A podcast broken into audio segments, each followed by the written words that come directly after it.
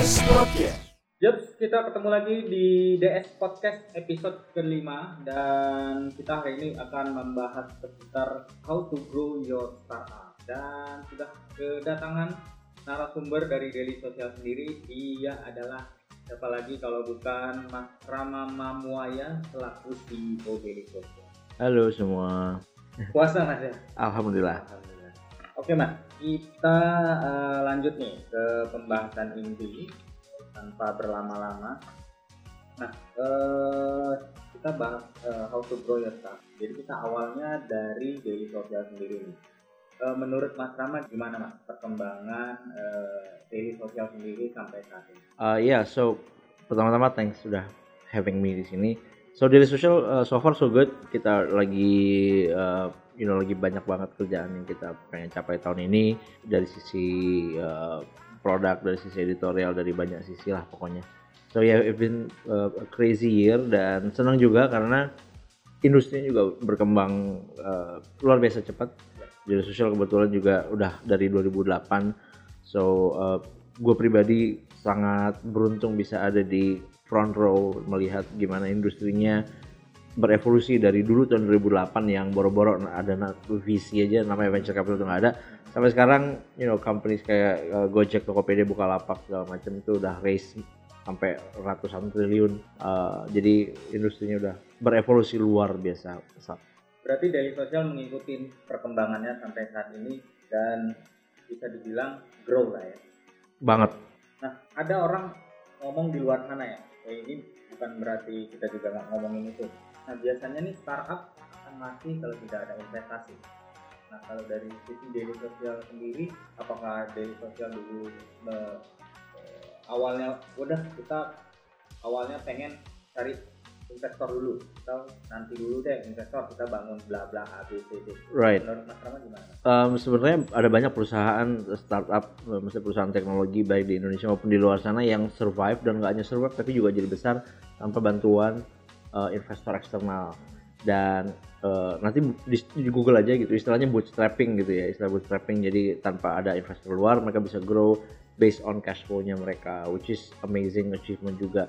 Daily Social ketika kami uh, mulai dulu ya memang nggak ada kepikiran mau you know mau raise berapa kali investment segala macam sih enggak karena memang kita ngelihat ada isu yang uh, ada ada gap yang belum diisi oleh pemain-pemain teknologi dan kita memutuskan untuk mencoba mengisi celah itu. Dan so far uh, ya kita udah raise money beberapa kali juga. Ada beberapa investor dari dalam dan luar negeri juga yang join ke kita. Um, kami beruntung karena but apa ya kadang-kadang kita ngelihatnya nggak cuma untuk nyari duit tapi juga mencari eh, mungkin secara spesifik ke kasusnya dari social tapi lebih ke strategic value-nya dari orang invest ini apa buat buat kita course mereka ngasih duit of course tapi selain itu apalagi? Pengetahuan kah network kah knowledge atau akses ke you know ke all these uh, uh, produk yang mereka punya atau apa pun itu harus ada value yang lebih dari sekedar uang aja capital gitu. Jadi buat buat social sih itu dan nggak wajib kok sebenarnya. Kalau you know if it's a good product sebenarnya you know it's a good product nggak akan nggak akan mati juga gitu. Orang pasti pakai. Eh, kira-kira eh, ada banyak contoh case dari startup yang tidak butuh investor. Jadi mereka ngomong lah, mereka tanpa investor juga mungkin. Ya, sebenarnya sebenarnya banyak sih kalau misalnya apa pun perusahaannya sebenarnya bi- bisa aja kalau mereka survive dengan tanpa ada investor cuman di eh, apa persaingan sih mostly mereka kebanyakan company-company yang yang raise money itu memang mesti raise money karena saingannya punya duit banyak artinya kalau dia cuma begitu-begitu aja ya mungkin grow ya tapi mungkin 10 tahun lagi baru gede. Dengan kompetitornya dengan duit yang mereka punya dengan capital mereka punya mungkin bisa gede dalam tahun misalnya karena mereka punya modal. So sebenarnya uh, in- investment money itu lebih ke arah mengakselerasi pertumbuhan. Tapi kita udah tahu tumbuhnya dari mana. Kita udah ada bisnis modelnya udah ada revenue modelnya udah ada customer base-nya juga. Selama itu semua sudah ada dan perlu diakselerasi investment money masuk. Itu lebih make sense ketimbang investment money dituangkan ke hal-hal yang mungkin masih eh, masih terlalu basic gitu ya. Tapi kan eh, nggak berani yang gede-gede. Itu kenapa kalau yang masih baru-baru awal istilahnya mereka dapetnya seed funding atau angel investor. Duitnya belum begitu besar gitu. Berarti tergantung pilihannya kembali lagi menurut mereka. Mereka mau berkembang lebih cepat berarti mereka butuh investor Betul. mungkin agak ya gua berkembang nih tapi ya nggak apa-apa lah 10, 10 tahun 20 tahun lagi at least gua uh, Ya, terus lagi. betul itu masalah masalah pendekatannya aja sih. Kita di sosial juga kita nggak harus yang luar biasa banyak enggak. Karena memang kita ngelihat space yang eh, space bisnisnya dari social ini nggak butuh begitu banyak capital dan persaingannya juga tidak nggak bisa dibeli pakai uang gitu loh ini masalah eh, experience masalah product roadmap masalah eh, banyak hal yang nggak bisa dibeli pakai uang. So kita punya duit banyak pun juga nggak akan bisa membantu akselerasi apa apa memang itu bisa membantu kita grow dari sisi tim produk mungkin lebih cepat iya. Tapi kompetitor kita pun juga yang punya duit banyak dalam beberapa tahun juga udah mati. Karena again yang yang di social punya itu nggak cuma uang tapi juga banyak hal yang lainnya yang yang yang nggak bisa dibeli pakai uang itu sih ada tanggapan di luar sana mas kalau startup hanya bakar-bakar duit investor Hmm, hmm, hmm. Eh, kalau dari sisi mas Rama sendiri Well, di beberapa kasus itu eh, sebenarnya yang dari orang luar ngelihat itu yang namanya bakar-bakaran duit itu sebenarnya nggak dibakar, tapi bisa dipertanggungjawabkan. Cuman mungkin nggak terlihat secara langsung. Gojek is actually a good example di mana eh, orang ngeliat, wah dia bakar duit disubsidi apa segala macam. Tapi sebenarnya Gojek itu juga punya perhitungannya gitu loh. Kayak beberapa tahun yang lalu aku sempat ngobrol juga sama orang Gojek dan dia cerita bahwa eh, penggunanya Gojek itu yang ride ya, yang motor itu, dia biasanya setelah dia pakai Gojek tiga kali, kemungkinan besar untuk dia make terus itu tinggi, hampir 80%, 70 something gitu, 78% kalau nggak salah. Kemungkinannya besar. Jadi Gojek cuma pengen nih orang nyoba sampai tiga kali dulu. Makanya yang tiga kali uh, ride pertama itu biasanya disubsidi. Karena ride keempat dan seterusnya itu udah subsidinya makin lama makin kecil. Nah itu fakta dari beberapa tahun lalu. Sekarang mungkin udah beda. Tapi itu menunjukkan bahwa yang dari kacamata orang eksternal melihatnya kayak duit dibakar, sebenarnya enggak. Itu namanya user acquisition cost. Cost untuk mengakuisisi user jadi user loyal. Dan dan itu bisa dipertanggungjawabkan angkanya jelas, ada perhitungannya juga. Namun memang ada beberapa kasus di mana persaingan yang begitu ketat jadinya mesti sedikit banyak kelihatan kayak bakar-bakaran duit itu mungkin yang kayak e-commerce misalnya karena bisnisnya marginnya kecil nggak ada faktor pembeda antara pemain satu dengan pemain yang lain selain dari harganya di sana lebih murah akhirnya mereka mesti bakar-bakaran duit untuk ngedrop harganya lebih murah daripada kompetitor biar orang belanja di situ. Dan itu eh, ya mungkin ada beberapa pemain e-commerce yang akan berargumen oh kita ada hitungannya juga. Ya sure nggak apa-apa. Dan memang aku percaya pasti ada. Tapi eh, dengan persaingan yang begitu ketat dan nggak ada pembeda produk yang terlalu jelas itu biasanya ya mesti banting-bantingan harga. Mungkin pembelinya hampir sama kali. Mungkin ya. Dan pem- pem- pembelinya itu jadinya nggak loyal. Mereka ya di mana aja deh yang penting yang paling murah yang mana gitu. Kalau dari sisi startup sendiri banyak? Oh banget ya. Em, kalau di compare dengan industri lain memang yang namanya teknologi ini kan murah. Murah dalam artian gini dulu mau bikin usaha mau bikin warung aja mesti punya modal buat bikin tempat, punya warungnya, beli modal awal buat beli barang-barang yang mau dijual segala macam itu mungkin bisa uh, you know 5 juta ke atas maybe ya.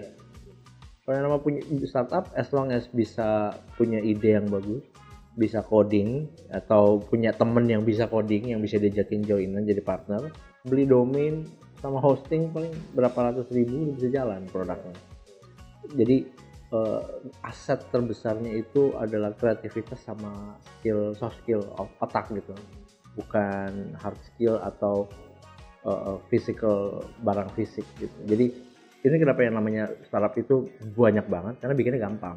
Dan kenapa bikinnya gampang dan orang bikin terus? Karena cost of failure-nya cost untuk gagal itu murah. Oh, ya udahlah hilang cuma berapa ratus ribu atau mungkin ya berapa juta. Ya cari ide yang baru let's bi- bikin yang lagi gitu kan dan itu yang yang mungkin bikin startup jadi lebih menggairahkan buat banyak orang karena gampang mulainya. Tapi again karena gampang mulainya yang mati of course lebih banyak lagi. Dan itu memang salah satu ciri khasnya industri startup karena satu ide dieksekusi dua orang yang berbeda bisa beda banget gitu. Kayak Grab sama Gojek dulu mulai mulainya mungkin sama gitu ya bisnis motor apa nganter orang naik motor gitu ojek right? Ini terkadang dalam perkembangannya? Soalnya jauh beda gitu yang satu mainnya ke mana yang satu main Gojek mainnya ke GoPay dan ke finance Grab masuknya ke artificial intelligence driverless cars dan segala macam. Jadi kelihatan gitu meskipun dia ada ada yang Grab Pay-nya juga tapi kayaknya memang lebih kuat Gojek dan eksekusinya jauh lebih mantap Gojek kalau soal finance. Tapi kalau soal misalnya artificial intelligence kayak Uber dia kayaknya baru sempat bikin konsep untuk drone yang bisa ngantar penumpang nah kayak gitu kan beda visinya gitu. Harus paling tidak mereka harus lebih berkembang dari kompetitornya atau lebih lebih inovasi dari kompetitor. Betul betul. Dan itu memang uh, apa yang namanya startup itu kan nggak pernah selesai nggak pernah final ya. jadi akan selalu ada progres selalu ada inovasi baru, eksperimen baru gitu. Jadi memang itu yang membedakan. Dan banyak orang berpikir bahwa yang namanya ide atau inovasi startup itu satu inovasi yang luar biasa besar dan groundbreaking itu sebenarnya enggak. Semua inovasi itu biasanya uh, bukan satu loncatan besar tapi kayak anak tangga, kecil-kecil tapi banyak gitu. Jadi mesti loncat kecil-kecil dan dilakukan sesering mungkin gitu. Uh, kalau dari sisi investornya, uh, Daily Social juga sudah ada investor dari Indonesia ataupun luar. Cara meyakinkan investor supaya mereka lebih percaya untuk menginvestkan uangnya di Social itu gimana? Um, waktu itu mungkin karena memang uh, faktor uh, network itu waktu itu bermain luar biasa penting ya. Jadi investor pertamanya Daily Social Merah Putih itu ya aku dulu udah kenal selama beberapa tahun sama Dani Oe dan ya, belajar banyak dari dia dia dulu chief marketingnya Kaskus belajar banyak itu jadi dekat dari situ dan akhirnya mereka memutuskan untuk invest. Investor yang selanjut selanjutnya juga rata-rata memang orang yang sudah lama saya jadiin mentor gitu. Jadi akhirnya mereka mau invest dan naruh uang gitu, di social so I think uh, in a sense that personal factor lebih penting ketimbang bisnis. Dan jangan salah bisnisnya bisnisnya juga tetap ya, penting gitu tetap ada tetap diperhitungkan. Karena kalau bisnisnya jelek ngapain juga nunggu duit kan? Tapi the fact bahwa uh, si foundernya ini bisa dipegang itu juga jadi luar biasa penting. Trust. Trust exactly. Itu mahal. Kita lanjut ini kalau boleh dibandingkan antara Indonesia dan luar negeri dari sisi startup sendiri perkembangan antara Indonesia dan luar negeri itu seperti apa apakah luar negeri lebih maju duluan ataukah Indonesia mengikuti dari belakang atau Indonesia ketinggalan? Well, dari lima unicorn yang ada di Southeast Asia di Asia Tenggara, empat itu dari Indonesia. Cuma satu yang dari luar Indonesia, yaitu Grab. Sisanya itu ada Gojek, Tokopedia, Bukalapak, sama Traveloka. Ya, jadi 80% dari unicorn di Asia Tenggara itu dari Indonesia. Jadi kalau dibilang kita kita ketinggalan atau enggak, mungkin dari sisi, beberapa faktor iya kita ketinggalan infrastruktur segala macam, iya mungkin. Tapi dari sisi market, wow kita luar biasa seksi luar biasa seksi. Dan memang kalau dilihat-lihat semua uh, dari empat found dari empat unicorn yang kita punya ini dua di antaranya memang didikan luar negeri. Dua didikan lokal. Jadi sebenarnya kalau dibilang ketinggalan banget enggak juga. Karena ya again kita udah setengah-setengah gitu kan 50% foreign educated 50% Indonesian educated. Tapi memang investor dari Indonesia nya belum banyak. Ada beberapa yang investor lokal yang masuk ke unicorn unicorn ini tapi banyak juga memang dari luar negeri. Dan again kayak tadi yang gue bilang di awal ini bukan masalah duitnya doang. Tapi si calon-calon unicorn ini dulu memang belajar bahwa ya kita mesti ngambil duit dari investor ini bukan karena dia banyak duit doang tapi karena memang dia bisa ngebantu startupnya jadi unicorn lebih dewasa gimana cara jadi manage orang manage duit dan segala macam. Itu kan juga dan of course hiring amazing people untuk nge-build perusahaannya. Nah itu juga penting gitu loh nggak cuma duitnya aja tapi juga banyak faktor yang lainnya kalau dari ekosistemnya sendiri mas perkembangan startup di Indonesia ini seperti apa mas? Apakah ekosistem yang membentuk para startup atau e, banyak startup bermunculan membentuk ekosistem itu oh ekosistem itu kan sebenarnya terbentuk dari uh, kalau di Indonesia ya secara spesifik itu terbentuknya sangat organik uh, mungkin contoh kasus yang non organik itu kayak di Singapura di mana governmentnya kasih grant waktu itu kasusnya dia ngasih grant dan apa mengundang orang-orang dari luar Singapura untuk bikin PT di Singapura, bikin startup di Singapura untuk jadi hubnya di Asia Tenggara dan itu memang berhasil luar biasa. Malaysia juga mencoba uh, mereplikasi apa yang dilakukan sama Singapura. Tapi kasusnya Indonesia dari tujuh tahun pertama namanya industri startup di Indonesia government nggak nggak terlalu banyak yang uh, campur yang terlalu gimana gimana. Of course ada regulasi beberapa lah iya, tapi kayak apa e-commerce dan segala macam. Tapi secara general nggak banyak campur tangan dari pemerintah. Jadi industrinya bertumbuh secara organik, which is good karena biasanya organik itu lebih kuat, lebih tahan lama gitu, lebih sustainable kurang lebih gitu. So memang kalau dibilang beda, uh, kalau dibilang lebih baik dari luar negeri atau enggak, yang pasti beda ya, unik ya karena Indonesia memang marketnya unik dan meskipun dalam beberapa kasus kita bisa nyontek dari luar, contoh e-commerce, fintech, kita bisa nyontek dari luar. Tapi ada beberapa kayak logistik deh, logistik kita nggak bisa nyontek dari siapa-siapa. Iya. Cina mereka logistik luar biasa cepat, iya karena satu daratan yang gede banget. Betul. US juga sama, Eropa juga sama. Cuma Indonesia yang punya 17.000 kepulauan dengan jarak yang jauh-jauhan. Jadi logistik itu jadi isu yang luar biasa. Logistik infrastruktur jadi isu yang luar biasa. Faktor geografis. Faktor geografis. Nah, itu kita menyontek sama siapa? Nggak ada. jadi memang di- dari da- dalam beberapa kasus memang cuma orang Indonesia yang bisa mikirin solusi buat Indonesia gitu. So dibilang better atau enggak ya maybe better tapi yang pasti market kita gede banget artinya opportunity-nya gede banget dan Kalau diambil penilaian 50-50 kali ya? Enggak juga. nggak juga sih nggak ada yang nggak nggak bisa diangkain juga gitu. Tapi uh, in a way Indonesia again gue selalu bilang dari dulu we have so many problems. Yang artinya buat kupingnya para entrepreneur means problems itu sama dengan opportunity kesempatan. Kalau kita bisa bantu solve that problem dan problem itu besar dan kita bisa make money dari situ ya potentially bisa jadi bisnis yang besar juga. Kita di episode 5 ini karena di bulan puasa, di bulan Ramadan, kita nggak ada break, kita langsung aja. Jadi untuk episode 5 jadi nggak boleh minum dulu nih nggak bisa nggak boleh oh iya puasa astagfirullah. Aku ada pertanyaan dari eh, pembaca di luar sana, dari pembaca TIADS. Dia eh, ini tuh pertanyaan buat gua tuh ada tiga pertanyaan. Ini eh, pertanyaan pertama udah ada nih mas orang say hello mas boleh. halo Eh, pertanyaan ini mas. Ah, halo bro, saya Ilham dari Jakarta nih. Eh, saya mau nanya, eh, kalau dari daily sosial, eh, kesulitan terbesar dalam membangun daily sosial dan trik dalam menanganinya itu gimana ya? Terima kasih. Follow us.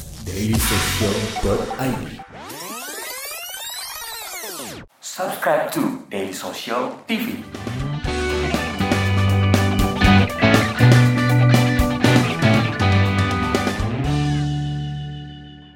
um, dari social sekarang kita tuh baru bertumbuh dari di bawah 30 orang jadi lebih dari 30 orang dan salah satu isu yang terjadi ketika sebuah startup itu grow dari di bawah 30 menjadi dari 30 itu adalah memang masalah ke human management kita memanage timnya kita eh, termasuk culture dan segala macam. Itu mungkin yang eh, ya karena saya juga pertama kali jadi CEO juga ya dulu ya dan belum berpengalaman mungkin dibandingkan teman-teman yang lain. Jadi ini belajar juga gitu banyak baca-baca gimana sih caranya maintain the culture. Belajar juga dari teman-teman startup yang lain CEO yang lain.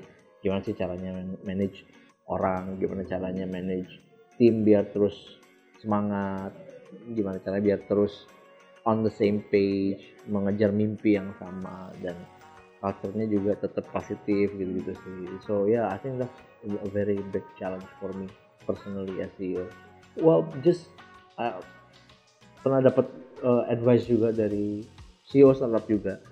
Dia bilang ya yang namanya CEO itu kalau ngam- kan ngambil keputusan ya. Yang namanya ngambil keputusan salah atau bener itu belakangan. Yang penting harus ngambil keputusan dulu hal terburuk yang bisa dilakukan seorang CEO adalah indecisiveness ngambil keputusan lama atau ya you know kelamaan lah gitu jadi ya. Iya, dan ya kalau memang hasilnya bagus ya tetap aja. Kalaupun keputusannya benar, tapi if you wait too long, kelamaan kan jadi telat gitu. So I think uh, it's you know belajar kalau apa istilahnya itu belajar jalan sambil berlari. Oke. Learning by doing. learning by learning to walk by running gitu. Oke mas, ada pertanyaan berikutnya mas. Hai Mas, Eh, saya punya pertanyaan nih. Saya dari pembaca setia Daily Social. Kenapa sih mau bikin startup? right. Um, nggak tahu ya sebenarnya karena gue tuh punya teori bahwa yang namanya founder itu kutukan. Jadi kayak kita di di kepala kita itu ketika kita ngeliat sebuah masalah kita ngelihat oh nih solusinya harusnya seperti ini. Kok nggak ada yang bikin solusinya sih gitu. Mungkin ada beberapa teman-teman lain kompetitor gitu yang mencoba membuat solusi untuk masalah itu tapi beda sama yang ada di kepala kita gitu. Jadi kayak ah yaudah deh gue kerjain sendiri deh gitu jadi gue nggak kayak in a way itu jadi kayak kutukan. Jadi ya mesti gue yang kerjain karena orang lain nggak ada yang ngerti nggak ada yang ngelihat apa isi kepala saya gitu. This is how my vision itu kelihatannya harusnya kayak gini ya yang cocok jadi solusi. So ya kalau ditanya kenapa ya gatal aja. Eh, terjadi akhirnya ya. alhamdulillah ternyata Jalan aja ya, gitu ya. jalan aja. Nah, karena ternyata yang punya problem itu nggak cuma saya tapi ternyata ada banyak yang butuh that kind of uh, solution. Pada saat itu untuk ambil keputusan untuk bikin startup perlu ada betapa dulu bingung oh Apa, enggak sih just mikir. uh, again it's learning by doing aja sih ya paling nggak kalau memang berhasil jalan nggak bikin lagi gitu. iya Satu lagi nih mas. Halo Mas, saya Taba, pembaca setia Daily Social. Saya mau nanya nih, eh, siapa sih yang ikut berjasa ngebangun Daily Social ini? Terima kasih Mas. Uh, mungkin yang paling utama itu jenderal-jenderalnya Daily Social ya tim-tim awalnya yang udah bareng dari kita dari tahun 2010 sampai sekarang gitu so far dari jenderal-jenderal ini baru satu yang gugur. Jadi sisanya tuh ada uh, lima orang tuh mereka masih stay bareng sama kita.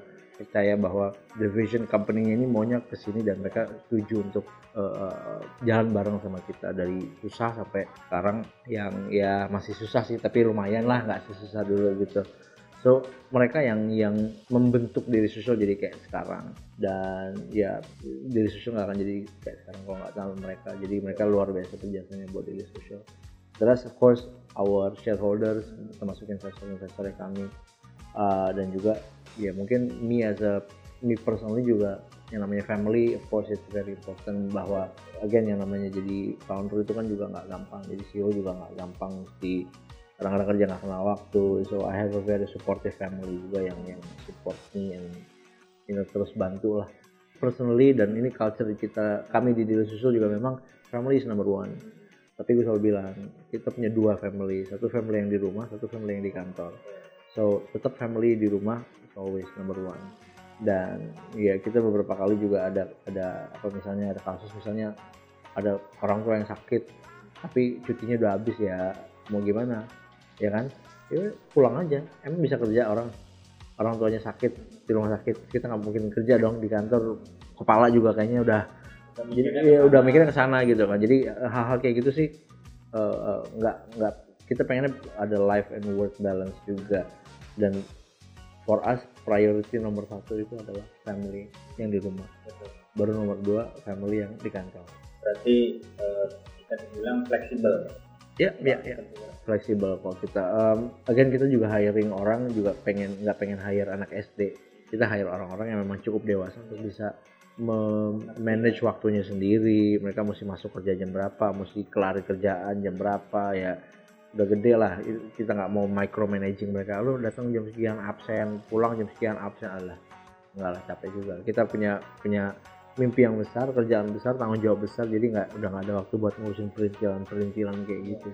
Terakhir nih, mungkin ada simpulan atau quote my favorite quote dari dulu sampai sekarang yang gue kalau jadi pembicara di mana-mana gue selalu ngomong ini semua orang punya jatah gagal habiskan jatah gagalmu selagi muda. Dan itu benar quote yang gue simpan dalam hati dan selalu ada di kepala gue jadi I always think about that. Jadi jangan pernah takut sama yang namanya gagal tapi eh, kalau gagal ya udah. Move on gitu. Uh, what's next? Jangan yang terlalu berkubang terlalu lama dalam kegagalan lah istilahnya gitu. Thank you buat Mas Rama sudah mau ngobrol-ngobrol di DS Podcast hari ini di episode 5. dan buat teman-teman yang di luar sana mungkin eh, ada yang kepingin mau ditanyakan atau kepingin nambah informasi di eh, literatur atau di catatan anda eh, mungkin teman-teman DS Podcast bisa lihat di web kita ada di dailysocial.id atau di Facebook juga ada di dailysocial.id atau di Twitter di @dailysocial terus ada di Instagram di @dailysocial underscore id terus di YouTube juga ada tayangan kita ada DS Tour, DS Caption, ada Open Box, ada Spotify juga, terus ada DS Podcast yang terbaru di soundcloud.com. Jadi teman-teman DS Podcast bisa cari aja buka soundcloud.com banyak sekali informasi yang bisa ambil dari DS Podcast. Itu saja.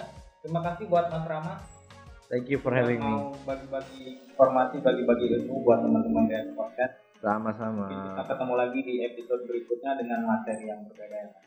Thank you, Mas. Ya, thank you ya boy. DS Podcast.